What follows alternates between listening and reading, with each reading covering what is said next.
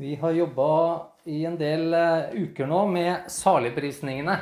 Og nå er vi kommet til enden på det. Den siste.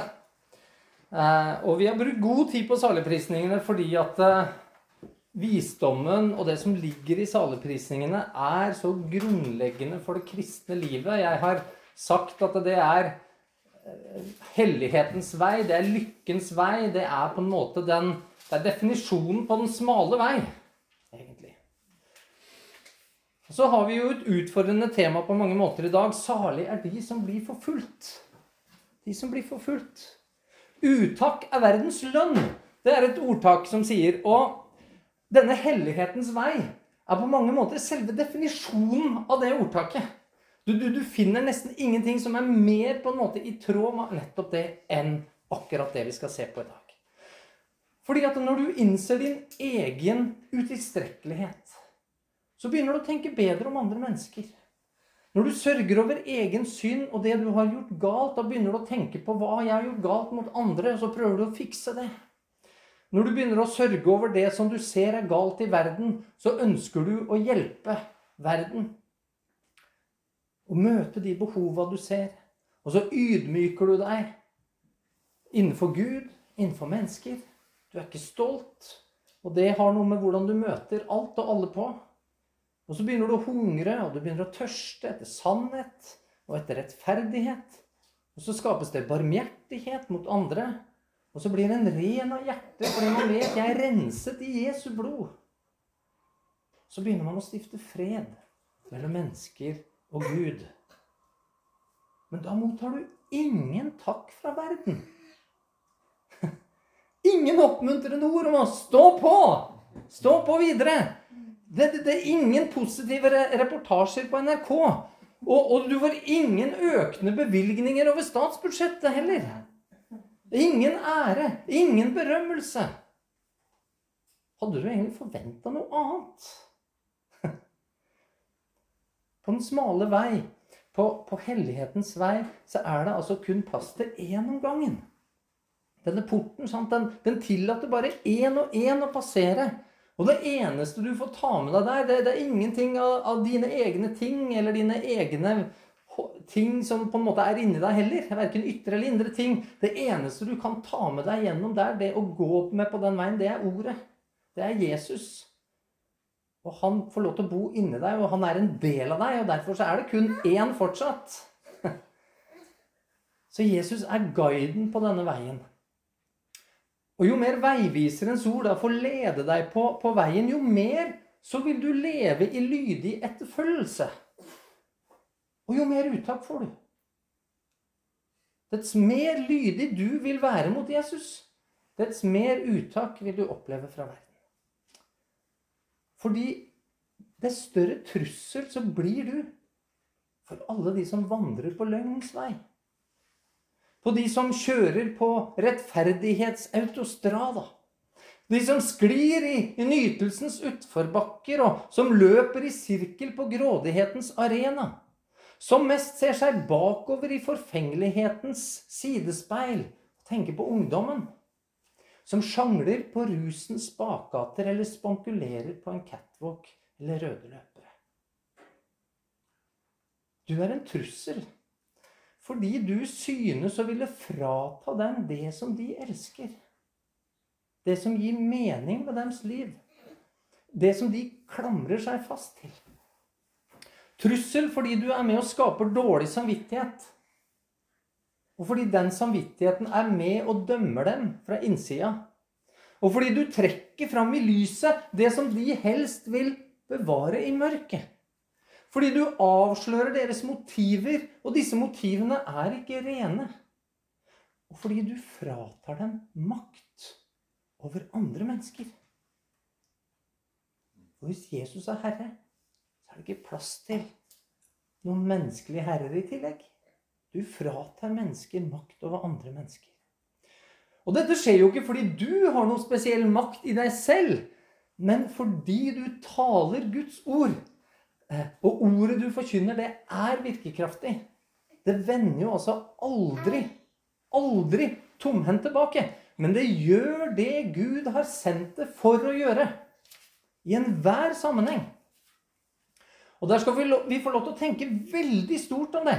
Fordi Paulus er raus når det kommer til dette. Han sitter i fengsel og hører sant, om disse folka som forkynner Guds ord for sin egen vinnings skyld eller for sin egen æres skyld. Og så sitter han i fengsel av det. Han er torturert, og han er lidd for dette ordet. Og så sier han ja, ja, i hvert fall så blir Guds ord forkynt. Det er raust! Du vet, verden krever ikke veldig mye av deg. For den, den, ønsker bare at du lar folk få lov til å være i fred. Er det for mye forlangt? Verden vil bare at du skal være stille. Og det er jo så, det er så lett å etterkomme. Det krever jo faktisk ingenting av deg og meg. Ingenting. Jeg mener, tro er jo tross alt en privatsak. Bare, bare vær stille. Vi, vi, vil jo ikke ha konflikt rundt oss. Spesielt ikke de vi står aller nærmest. Nei, det er stille og, og fredelig.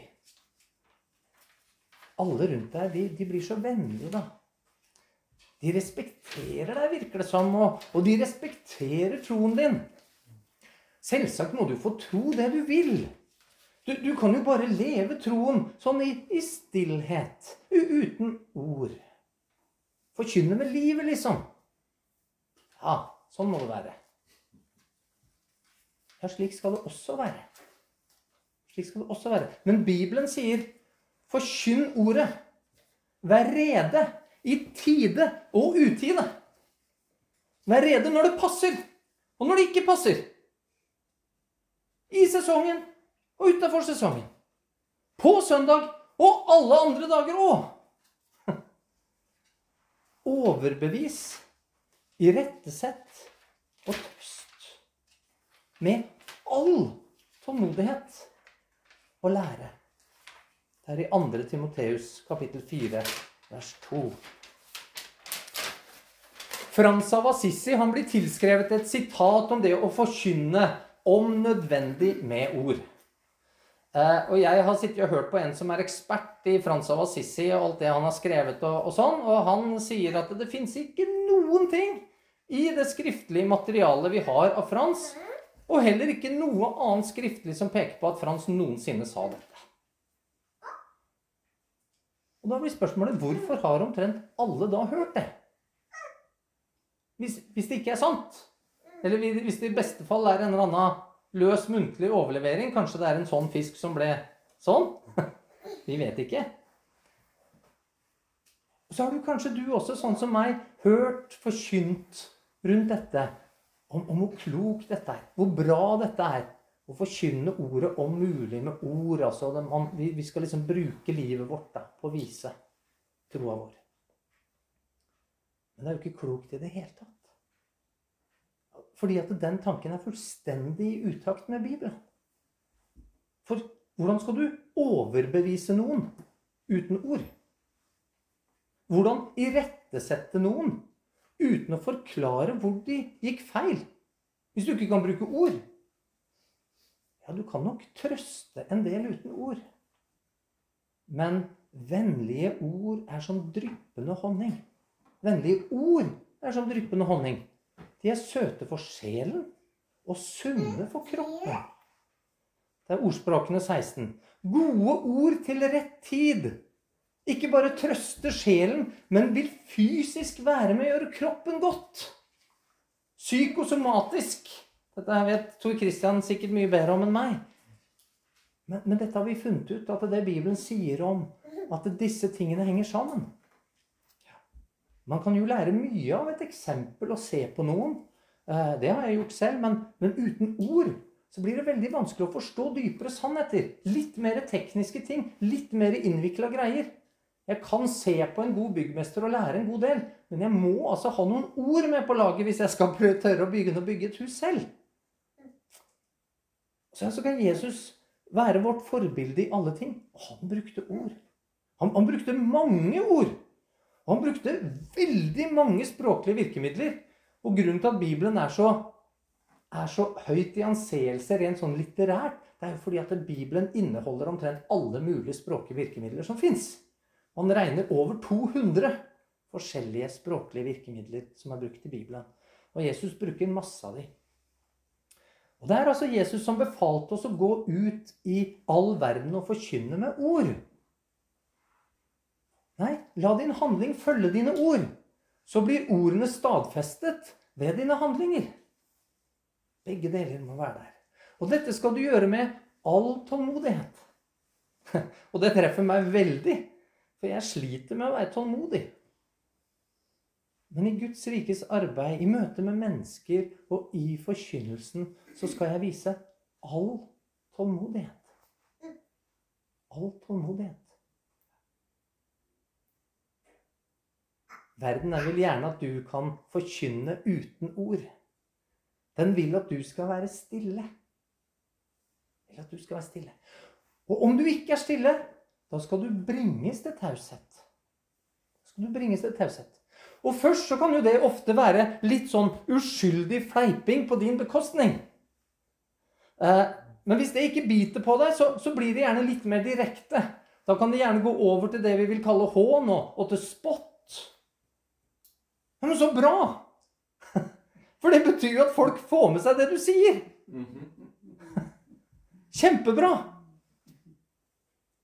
Nå skal jo ikke en kristen drive og kaste perler for svin, så det er kanskje liksom ikke han som, som håner og spotter mest. Du skal på en måte investere mest energi og, og, og tid på å bruke masse ord på.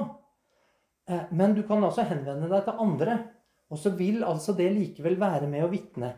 Og du skal altså ikke se bort fra, for det er ikke så sjelden vi opplever det at det er den som håner mest, til slutt er den som kommer.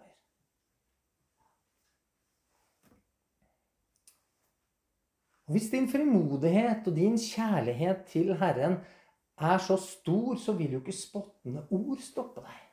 Det er jo tross alt bare ord.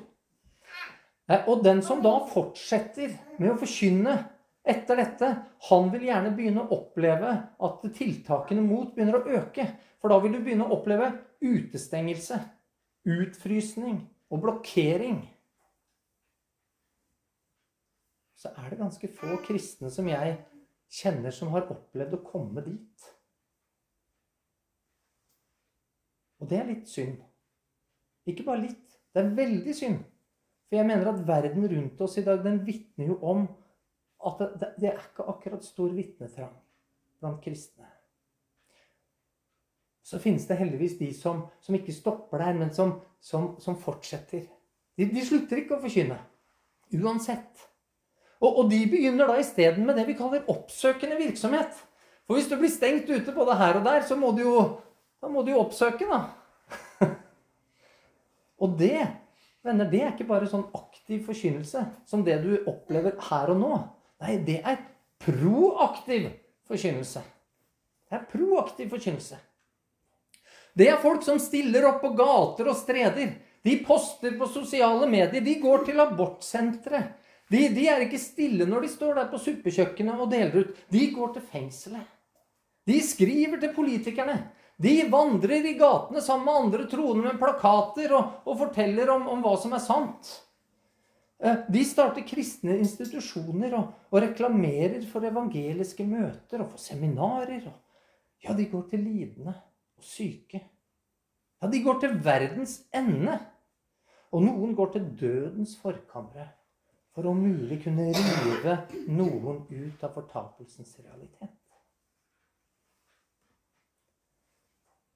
Verden hater det. Den hater det. Og verden vil bruke lovverk, maktapparat og rettsvesen om så til for å hindre at dette skal skje. Og de går gjerne utenfor lovverket. Og de bøyer gjerne retten for å hindre dette. Og fungerer ikke alle disse metodene, så skal du altså skremmes eller bringes til taushet.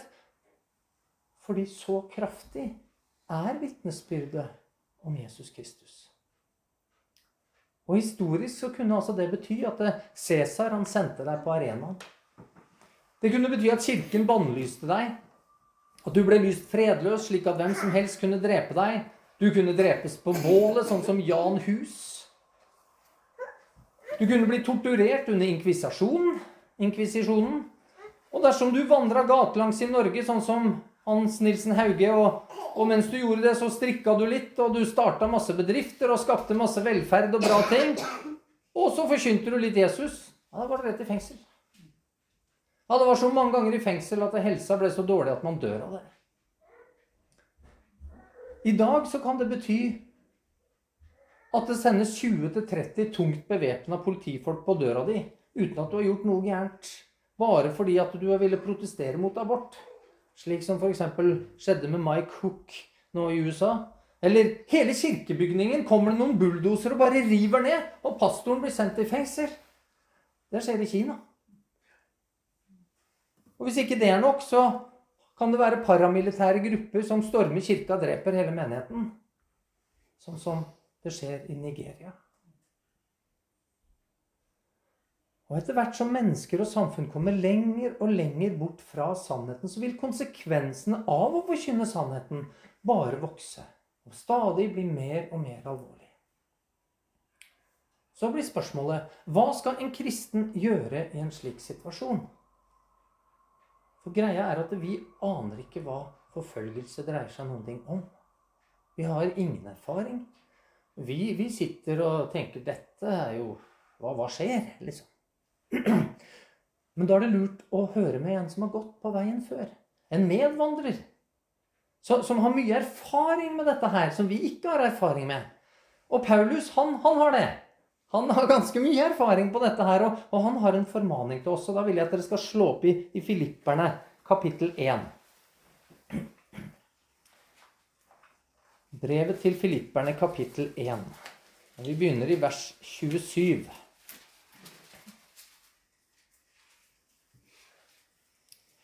Og der står det slik Se bare til Se bare til at dere lever et liv som er Kristi evangelium verdig. At dere står fast i én ånd. Jeg hopper over noen småting der. At dere står fast i én ånd og med én sjel kjemper for troen på evangeliet. Og på ingen måte lar dere skremme av motstanderne. Ja, der har vi det. Der har vi det. Ikke fokuser på problemene. Ikke bli opptatt av hva andre mennesker og menigheter gjør og, og ikke gjør. Ikke bli motløs. Fokuser på at du har din sak i orden med din Gud. At du lever et liv som er verdig den store nåde som er gitt til deg. At vi som samfunn av troende og vi som menighet står sammen i Den hellige ånd. At vi som er bundet sammen som brødre og søstre, hjelper hverandre til å leve som Kristi etterfølgere. At vi kjemper sammen med hverandre, hjelper hverandre, formaner hverandre, oppmuntrer hverandre til å bevare troen. Og ikke minst så trengs alt dette for at vi ikke skal la oss skremme av den motstanden vi vil møte. Og den vil komme dersom vi i den uka som ligger foran oss, dette året og i årene som kommer, ønsker å stå fast på de, det Bibelen lærer, og forkynner det i tide og utide. Hva vil det skje? For dere skjønner videre fra Paulus. For dem er det altså evangeliet. For dem er evangeliet et varsel om fortapelse. Men for dere er det et varsel om frelse. Og det fra Gud, idet dere har fått den nåde. Ikke bare å tro på Kristus, men også å lide for ham. Fikk du med deg dette her? Evangeliet. Det fantastiske evangeliet som frigjør, som er gratis, som gjør deg borger av Guds rike, og som gir deg arverett til alt som heter godt. Ja, det evangeliet om Guds kjærlighet til menneskene, det er for ugudelige et varsel om fortapelse. Et varsel om fortapelse. Forventer du at du skal kunne forkynne det uten at mennesker tar anstøt? Forventer du at du skal finne en strategi i å, å klare å, å, å, eh, kommunisere dette budskapet på en slik måte at du skulle, på noen som helst måte skulle klare å bli populær? Nei, den som forkynner evangeliet uten at det vekker anstøt, forkynner ikke evangeliet. De forkynner et falskt evangelium. Garantert. Så er det enda en ting du må få med deg, som Paulus her skriver. Du har fått nåde til å tro på Kristus. Men, men ikke bare å tro. Du har faktisk vist nåde ved at du også lider for ham. Ja, det er det han sier! Lidelsen er nåde. Hæ? Altså, Du kan jo si at den lidelsen, den, den får vi jo uten å fortjene den. Det var litt av poenget mitt i begynnelsen. Så, så, på slik sett så kan du godt si at det, det er jo nåde fra mennesker. Eh, på en veldig merkelig og forskrudd måte, riktignok. Men, men det, denne nåden vi snakker om her, den er ikke fra mennesker. Den er fra Gud.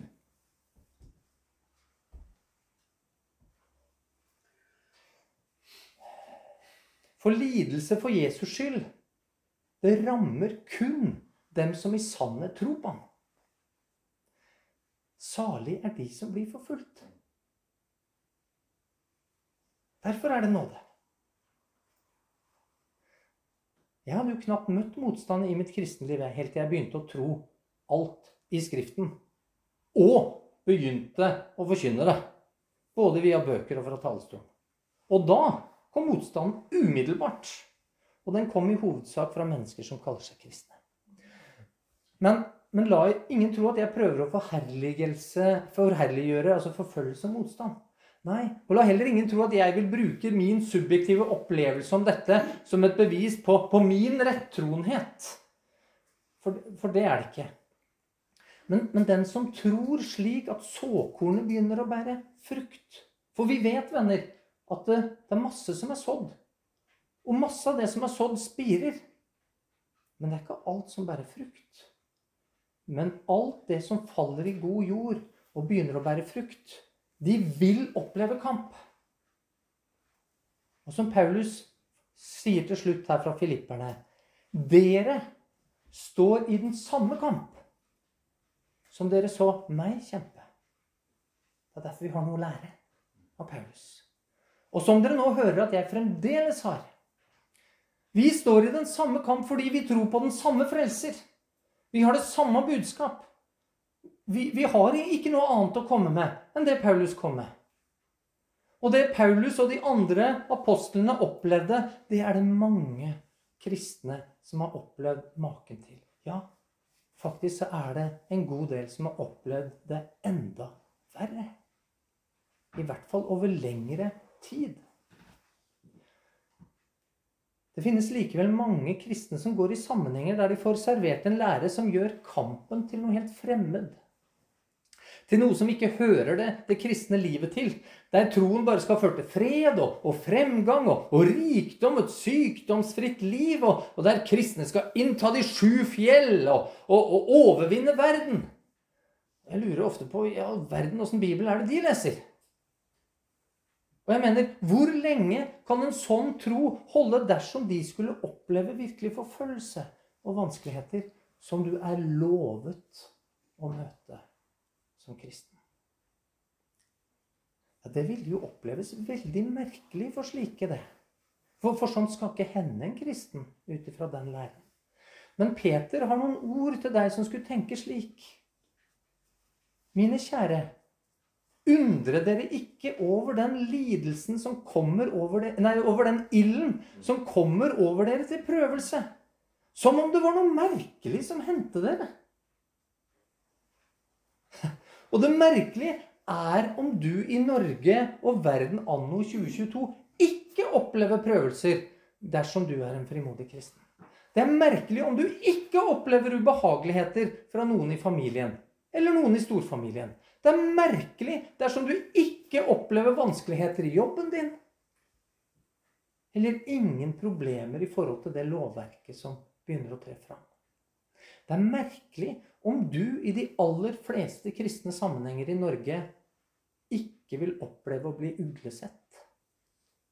Og at du der føler deg litt utafor. Så undre deg ikke dersom du opplever problemer. Det er helt naturlig.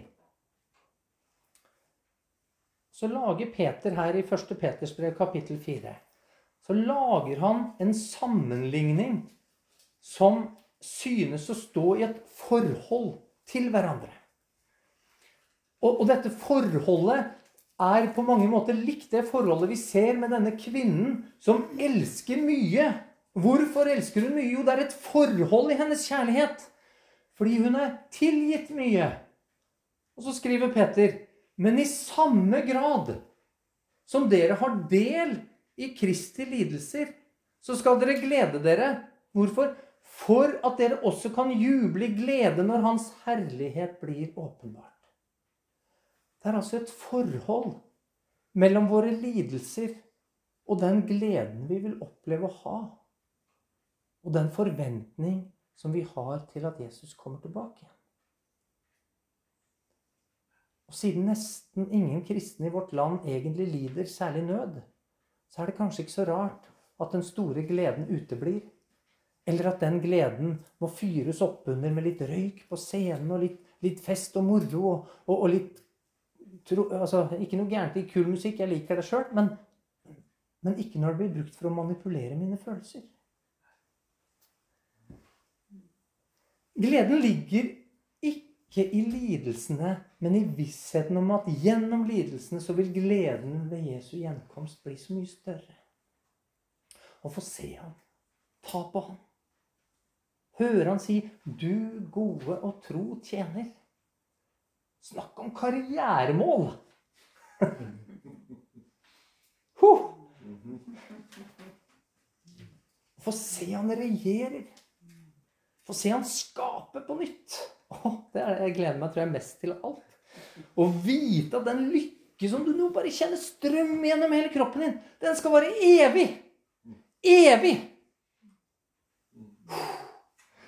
Salig, ja, lykkelig er de som opplever å bli spottet og forfulgt, og, og, og som det blir løyet på for Jesus sin skyld. For slik skjedde det med profetene før. Ja, det som har skjedd, skal atter skje, og det som ble gjort, skal gjøres på nytt. Intet er nytt under solen, sier forkynneren i kapittel 1, vers 9. Og Jesus han viser i sin undervisning til at profetenes blod jo, de har blitt utgitt fra skapningens begynnelse, sier han en plass. Jo, fra en annen plass sier han fra tidenes begynnelse. For altså tiden starta å begynne. Og det, det bekrefter Jesus at jorda kan ikke være eldre enn den tiden mennesker har vært her på denne planeten. Og det sier Bibelen er rundt 6000 år. Og Jesus peker på blodet til Abel, som ble drept pga. sitt rettferdige offer. Et offer som forkynte at mennesket trenger frelse for synder. Det er det de gjør.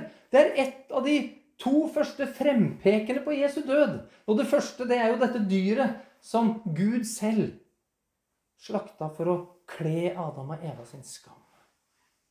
Dekke det. Så tar Peter oss med til en annen av profetene som led for sin tros skyld. Og, og denne profeten han er et voldsomt forbilde for oss alle i sin utholdenhet og på hvordan Gud lønner den som lider for Han. Og Det leser vi om i 2. Peters brev, kapittel 2, vers 5 og utover. Og Der står det 'Han', altså Gud, sparte heller ikke den gamle verden, men bevarte rettferdighetens forkynner, Noah. Selv den åttende den gang han førte vannflommen over de ugudeliges verden. Noah var altså rettferdighetsforkynner. Noah forkynte Guds rettferdighet, med andre ord. Og det gjorde Noah, som vi vet, både i ord og i handling. Og det gjorde han i lang tid. I hvert fall i 120 år, som vi vet om. Han levde jo ganske lenge, så det er mulig han holdt på en stund til. Men i hvert fall i 120 år. Det er lang tid. Og det er litt av en tjeneste. Og i denne tjenesten så står han og blir håna og spotta, sannsynligvis daglig. Og vi vet faktisk ikke hva Noah forkynte. Fordi det er merkelig at denne voldsomme Guds rettferdighetsforkynner har vi ikke bevart en eneste tale av. Det eneste ordet vi får høre om Noah, det er når han står og forbanner sitt barnebarn Kanan. Faktisk det eneste ordet i Bibelen vi har av Noah. Og Det skjer etter flommen. Men Guds vitnesbyrd over denne mannen, venner, som forkynte så lenge, er noe jeg skulle ønske kunne være sant i mitt liv. Noah gjorde i ett og alt det Gud hadde befalt. I ett og alt. Gud er i går i dag den samme, og han vil jo ikke at noen skal gå fortapt. Og det må bety at Noah forkynte frelse. Han må ha forkynt sannhet om synd. Og ved sine handlinger der han står og bygger på dette skipet sitt i 100, over 100 år, så forkynte jo han garantert om dommen som kom. Og det betyr altså at Noah forkynte akkurat det som du og jeg òg skal forkynne. Og folket hata det som pesten. Og Noah sin forkynnelse, som altså varte da så lenge, den var så fruktbar at han ikke fikk med seg noen.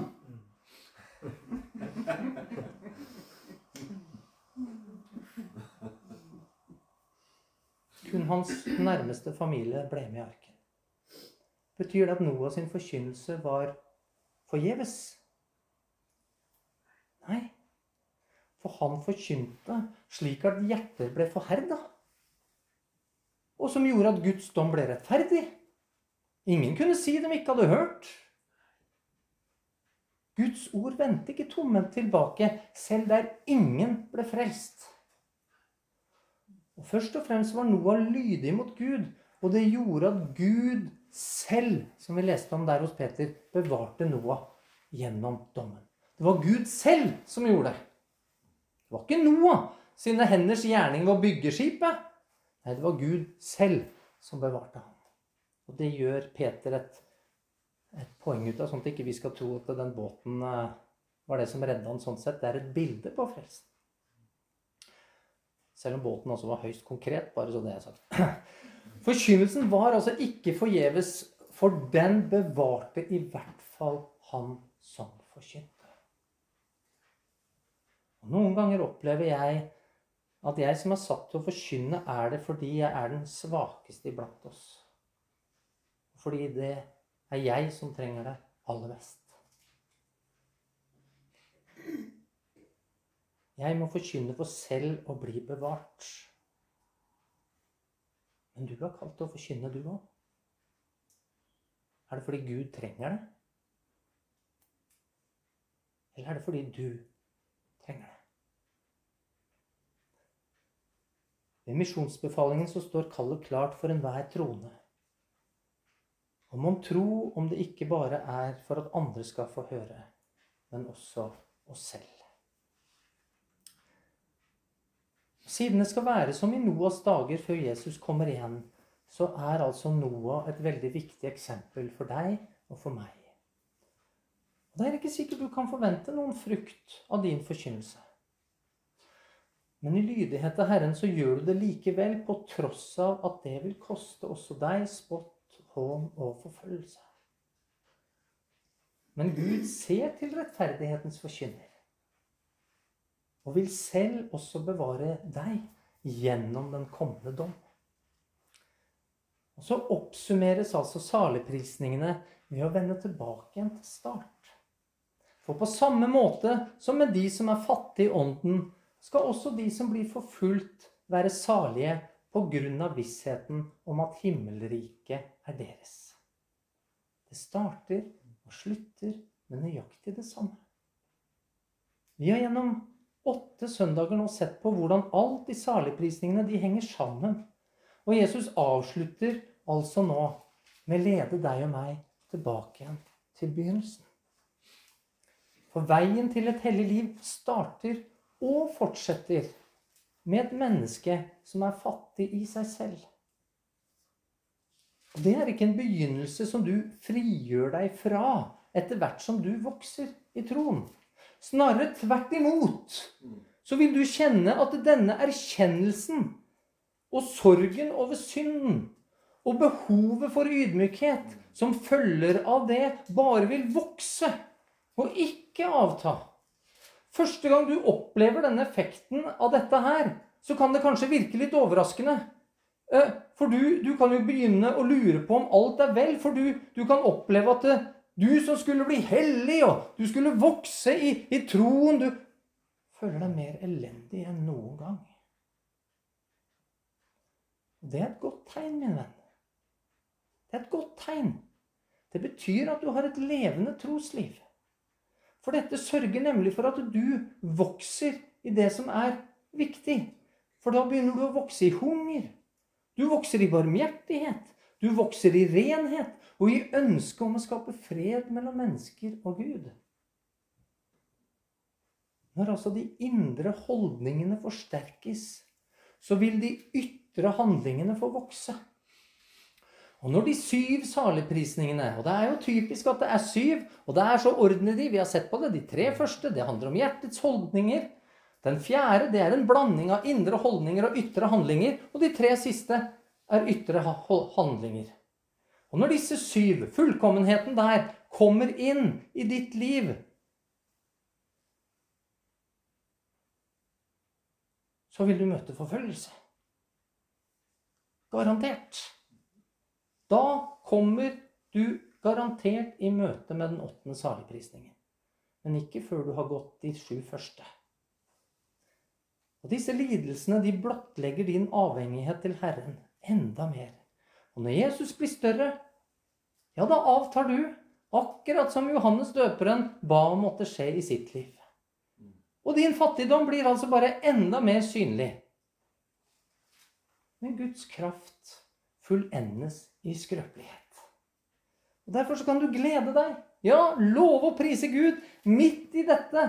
For den som starter og fortsetter på hellighetens vei, avslutter ikke i egen skrøpelighet, men fullendes i Kristi kraft og rettferdighet. Og Det er derfor hellighetens vei også er lykkens vei. For vår lykke er altså ikke knytta opp mot skiftende skygge, men mot vissheten om at seieren er vunnet. Kristi blod, sin renselse, står seg mot dommen og mot døden. Du er fri. Tjen Herren i glede og med glede. Amen. Kjære Herre, vi vil takke deg for ditt ord til oss. Vi vil takke deg for disse saligprisningene, og jeg ber Herre om at vi kunne få se enda dypere inn i de. Ja, ikke bare se, Herre, men begynne å gjøre. Begynne å forstå, begynne å leve. Og Herre, da vet vi at da vil vi begynne å oppleve lidelse. Og da blir dette fellesskapet enda mer viktig for oss. Da blir fellesskapet med deg det aller viktigste for oss. Vi ber deg, Herre, om at vi kunne få lov til, når det etter hvert skjer i våre liv, at vi da får lov til å leve liv der vi får lov til å fokusere på det som Paulus viste oss fra Filippe-brevet. Det ber vi deg om i Jesu navn. Amen.